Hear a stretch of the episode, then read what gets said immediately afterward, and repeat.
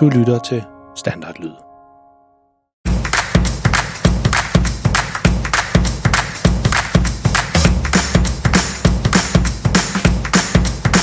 Hej og velkommen til historie om verdens pinligste far. Som i dag slet ikke er en historie om Freja og Maldas mega pinlige far, men noget helt andet. Det er en bonushistorie, som kan nydes her i sommerferien. Og det er Ane, som normalt lægger stemmen til Freja i historierne, som selv har skrevet den.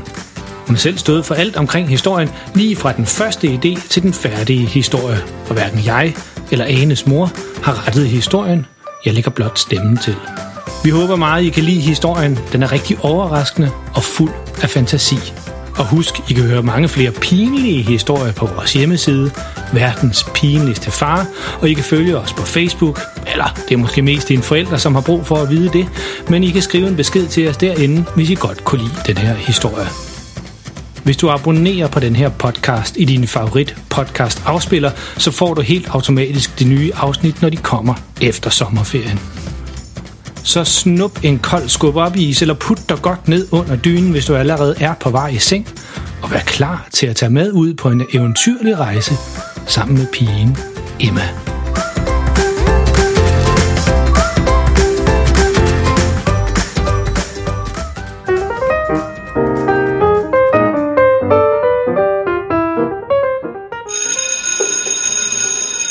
Endelig ringede klokken. Emma hun havde ventet hele dagen på at komme hjem for at slappe af. Hun ville mest af alt bare være et helt andet sted. Det havde hun haft lyst til de sidste uger. Næsten hvert frikvarter så ønskede hun at komme væk, mens hun sad og kiggede på de andre, der spillede rundbold. Det var altid hende, der skulle holde tennisbolden. Det var derfor, hun altid sad med den og ønskede. Hele 8. B myldrede ud af døren. Emma hun gik også ud af døren og kiggede op for at se, om Sofie stod der et sted. Sofie, råbte Emma. Vent lige på mig. Da Emma kom rundt om hjørnet, stod Sofie der med sin telefon. Åh, oh, det var bare en hård dag i dag, sagde hun. Ja, jeg skal bare hjem og slappe af nu. Så gik de sammen ud af skoledøren med de andre fra klassen. Så gik de ud på græsset og ned ad stien. Kan du være sammen i morgen hjemme ved, øh, ved mig måske? spurgte Sofie. Okay. Så gik de rundt om hjørnet og bag om fru Larsens hus. Vi ses, sagde Emma, og så gik de hjem hver for sig.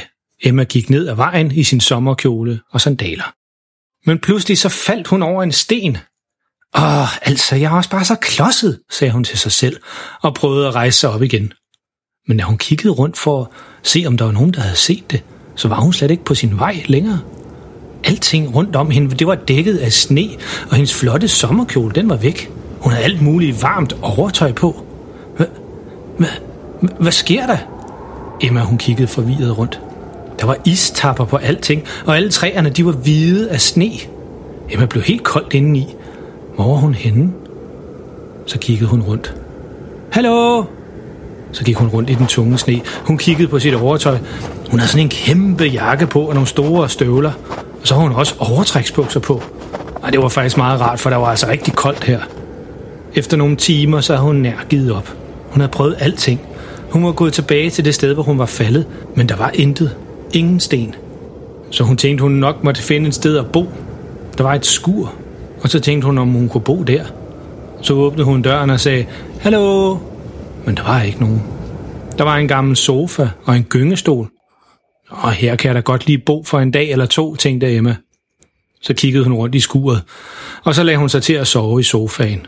Hun savnede Sofie og mor og far. Men mærkeligt nok, så var hun slet ikke sulten. Og det var mystisk, fordi hun havde faktisk slet ikke fået noget mad hele eftermiddagen eller om aftenen. Men mere nåede hun ikke at tænke, fordi så faldt hun i søvn. Næste morgen så vågnede hun, og hun havde stadigvæk alt sit overtøj på. Hun lod blikket kigge rundt i skuret. På en måde så har hun faktisk sovet fint.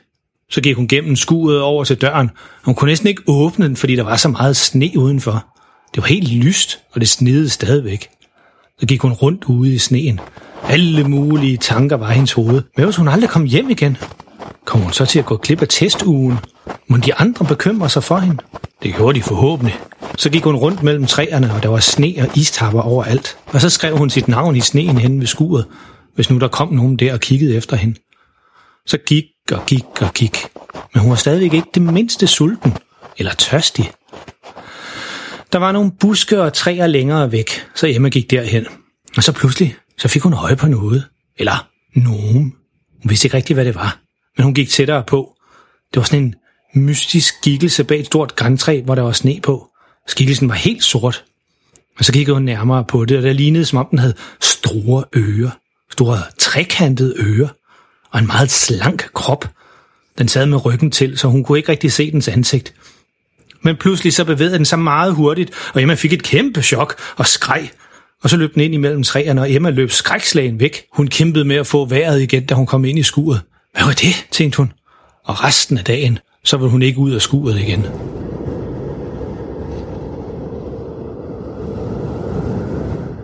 Den næste morgen, der var hun heller ikke sulten. Hun var bange nu. Hvad nu hvis den ting, hun så i går, ville spise hende? Eller hun skulle bo i det her skur hele sit liv? Så gik hun gennem skuret hen til døren, og hun åbnede døren meget forsigtigt. Og så gik hun meget grundigt omkring for at se, om der var nogen. Men det var der ikke. Men den her dag, der havde hun det faktisk lidt sjovt. Hun lavede en sneengel i den tykke sne og klatrede i træer. Og så rullede hun sig i sneen hele dagen lang. Men da det næsten var solnedgang, så så hun noget igen. Men den her gang, der var det ikke et monster. Nej, det lignede næsten et menneske. Måske en, der sad og læste i en bog. Hun holdt sig væk fra personen, men hun var alligevel nysgerrig. Øhm, hej, råbte Emma til hvem det nu var. Pigen hun for op og klappede sin bog i med det samme. Øh, jeg vil ikke, jeg vil ikke skræmme dig. Pigen gik tættere hen til Emma. Øh, bor du her? spurgte Emma igen. Øh, ja, sagde pigen. Gør du også det? Nej, det er sådan en ny ting. Jeg, jeg ved faktisk ikke rigtig, hvordan jeg er havnet her, men, men nu er jeg her åbenbart. Hvad mener du? spurgte pigen. Ja, ja, det lyder måske lidt skørt, men jeg faldt over en sten, og så, ja, så vupti, så var jeg pludselig her. Pigen gik tættere hen mod Emma. Er det rigtigt? For hvis det er, så, så kommer du fra den rigtige verden, sagde hun. Jeg har læst om det i de her hellige bøger, men jeg har aldrig oplevet, at en fra den virkelige verden er blevet teleporteret herhen. Emma kiggede på pigen med et forvirret blik. Ja, altså hvis man ønsker at komme et andet sted hen, så sender vi sådan nogle små portaler ud i din verden, og så kommer du et andet sted hen, et sted, som du har ønsket. Jamen, jeg vil da ikke være her, sagde Emma frustreret. Her ved jer og jeres monstre. Monstre? Ja, ja, ja. Jeg så en i går aftes. Den havde store ører og sådan en lille krop, sagde Emma. Åh oh, nej, ja, ja, dem skal du holde dig fra. Pigen fortalte en masse ting til Emma, og det blev helt mørkt, og mens så gik de ned ad en lille sti. Men du bliver nødt til at hjælpe mig. Jeg skal tilbage til min familie og mine venner, sagde Emma. Nej, det skal du ikke bekymre dig om. Du går ikke glip af noget, for i din verden så står tiden stille. Hvad? Så de andre, de ved slet ikke, at jeg er væk? Nej, sagde pigen.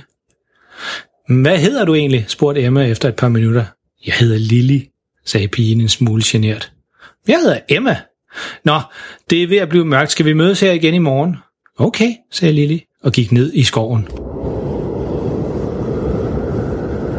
Næste morgen gik Emma ud af skuret, og det snede igen. Så kiggede hun rundt, og ganske rigtigt stod Lili der med en bog. Men hun havde noget andet tøj på, så hun måtte have et hus et eller andet sted. Mere nåede Emma ikke at tænke det, fordi så vinkede Lili til Emma, og Emma gik hen til hende. Hey, jeg har et spørgsmål. Jeg har været her i fire dage nu, tror jeg nok. Men jeg har ikke den mindste sulten eller tørstig. Hvordan kan det være? Lille hun grublede lidt over hendes spørgsmål. Altså herinde, så er der ikke rigtig tid på den måde. Man bliver heller ikke rigtig sulten eller tørstig. Jeg har hørt, at I putter mad ind i jeres mund, så man ikke er sulten, sagde hun. Emma tænkte lidt, og så nikkede hun. Emma vendte sig om for at sætte sig ned.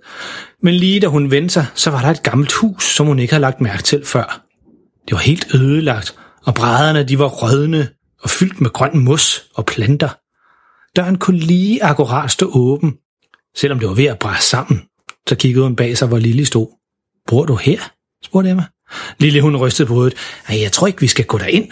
Emma havde svært ved at se hendes ansigt for al den sne, der føj omkring dem, men hun vidste, at hun ikke kunne lide tanken om det her. Emma gik hen og tog Lille i hånden. Vi går derind sammen. Så gik de langsomt hen mod døren, og Emma prøvede at skubbe den op. Det var bælmørkt derinde, men Emma hun fik øje på en lyskontakt. Der var rigtig rodet. Huset var fyldt med gamle madrester og tallerkener, og der hang tøj med skelethoveder på. Måske var der nogle mennesker, der boede her. Lille gik sammen med Emma ind i huset og kiggede sig omkring. Der var en bænk, men den var også helt røden. Og så var der sådan nogle klamme biller og dyr rundt omkring. Og Så var der et kæmpe stort græntræ, der var så højt, at det gik helt igennem taget. Lille slap Emmas hånd for at kigge nærmere på tingene i huset. Emma rørte ved en ødelagt tallerken, der lå på et rødden bord midt i hytten. Der var også nogle store sten, og så var der en reol på væggen med nogle gamle ødelagte bøger. Lille blev vist lidt urolig. Jeg vil gerne ud nu, sagde hun. Okay, så lad os gå. Så gik de ud af det lille hus og ud i snestormen. Der var næsten sne op til Emmas knæ nu. Og så besluttede de sig, at det var bedst, hvis de gik hver for sig og mødtes i morgen i stedet for. Emma faldt hurtigt i søvn i skuret, selvom det ikke var mørkt endnu. Men det skulle hun nok ikke have gjort, for den næste dag så vågnede hun, og så var det helt mørkt udenfor. Så åbnede hun døren i det gamle skur, og det var stadigvæk helt mørkt. Hun fik næsten et chok. Var klokken fem om morgenen? Nej, der var jo ikke nogen tid her. Så Emma tænkte, hun hellere måtte bruge tiden på at finde på en plan til, hvordan hun skulle komme hjem. Så satte hun sig i den gamle knirkende sofa og tænkte. Altså, hvis hun faldt over stenen og blev teleporteret herind, så kunne det måske også være noget, hun kunne falde over herinde, og så komme tilbage igen. Uanset hvad, så var der altså et eller andet mystisk ved den der gamle rødne hytte. Det var bare som om, der boede nogle mennesker derinde. Måske var de også blevet teleporteret ind i den her verden og aldrig kommet ud igen. Eller måske, så var de døde her.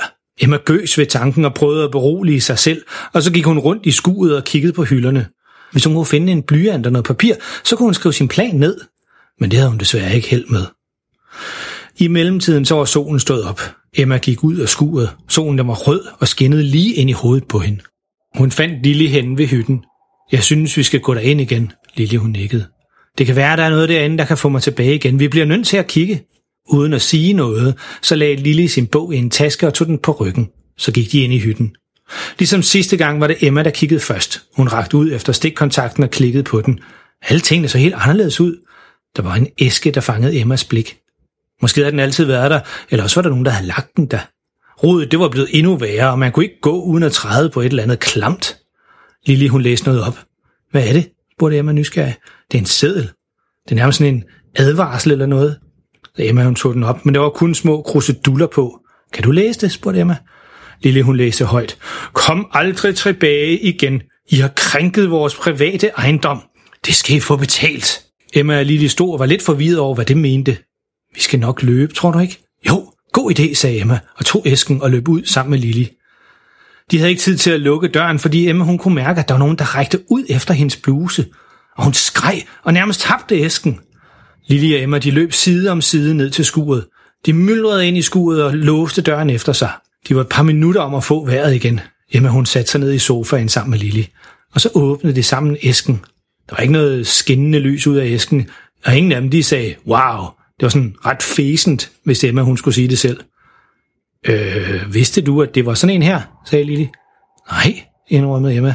Men måske har det noget at gøre med tennisbolden, hun altid sad og ønskede med øh, over i skolen. Så sad de og kiggede ned på en tennisbold, som var nede i æsken. Nej, seriøst. Det er altså ikke særlig sejt, hvis du spørger mig. Emma hun rejste sig op. Kom, sagde hun. Og Lili hun rejste sig op med Emma, og så stod de over for hinanden. Så holdt de bolden imellem dem, og så lukkede de øjnene. Emma sagde højt, at hun ønskede for alt i verden at komme hjem igen. Der gik flere sekunder, men så pludselig så skinnede tennisbolden endeligt. Og det var det.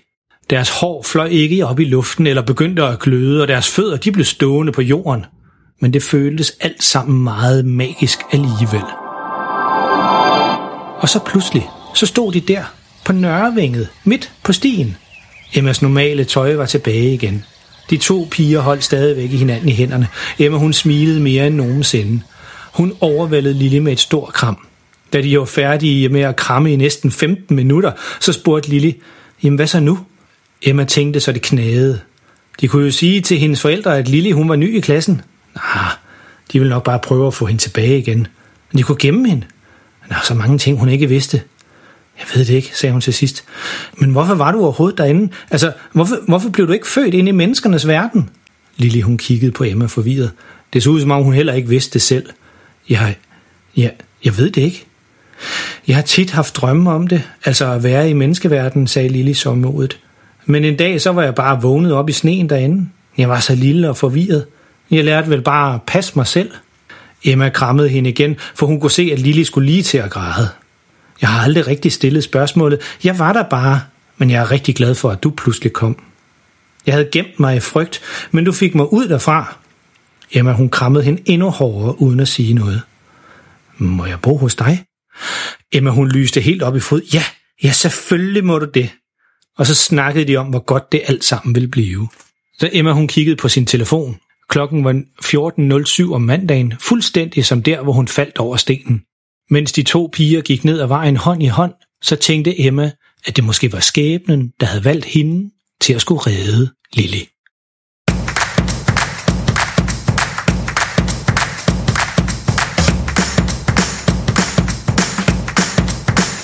Så er den historie slut, og det var altså en historie, som Anes helt selv har skrevet. Hverken jeg eller Anes mor har hjulpet hende med det.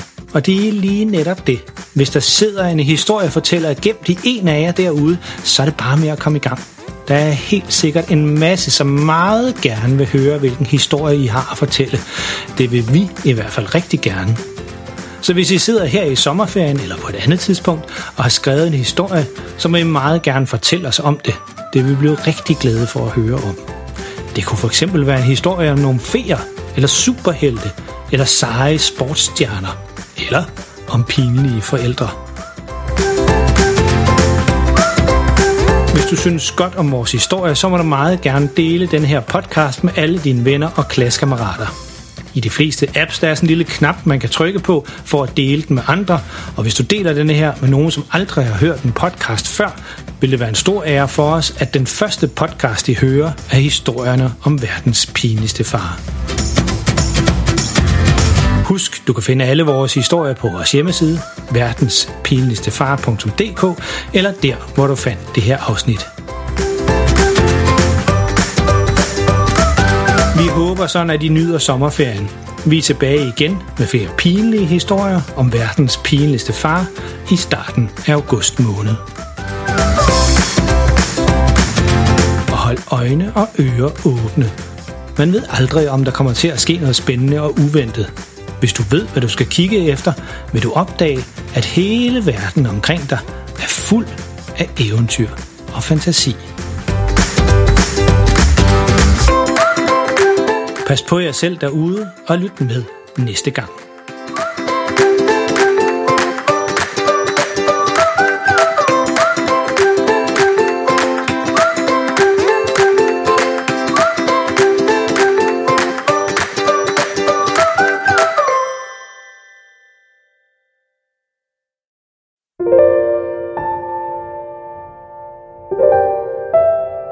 Er det tid til at sove nu? Har at børste tænderne? Godt. Nu kommer der lige noget stille musik, som du allerede nu kan høre lidt i baggrunden. Det kan du ligge og lytte til, mens du ligger og kigger rundt i værelset og tænker på alt det sjove, der er sket i dag. Eller du kan jo lukke øjnene og selv komme på en historie, mens du lytter til musikken.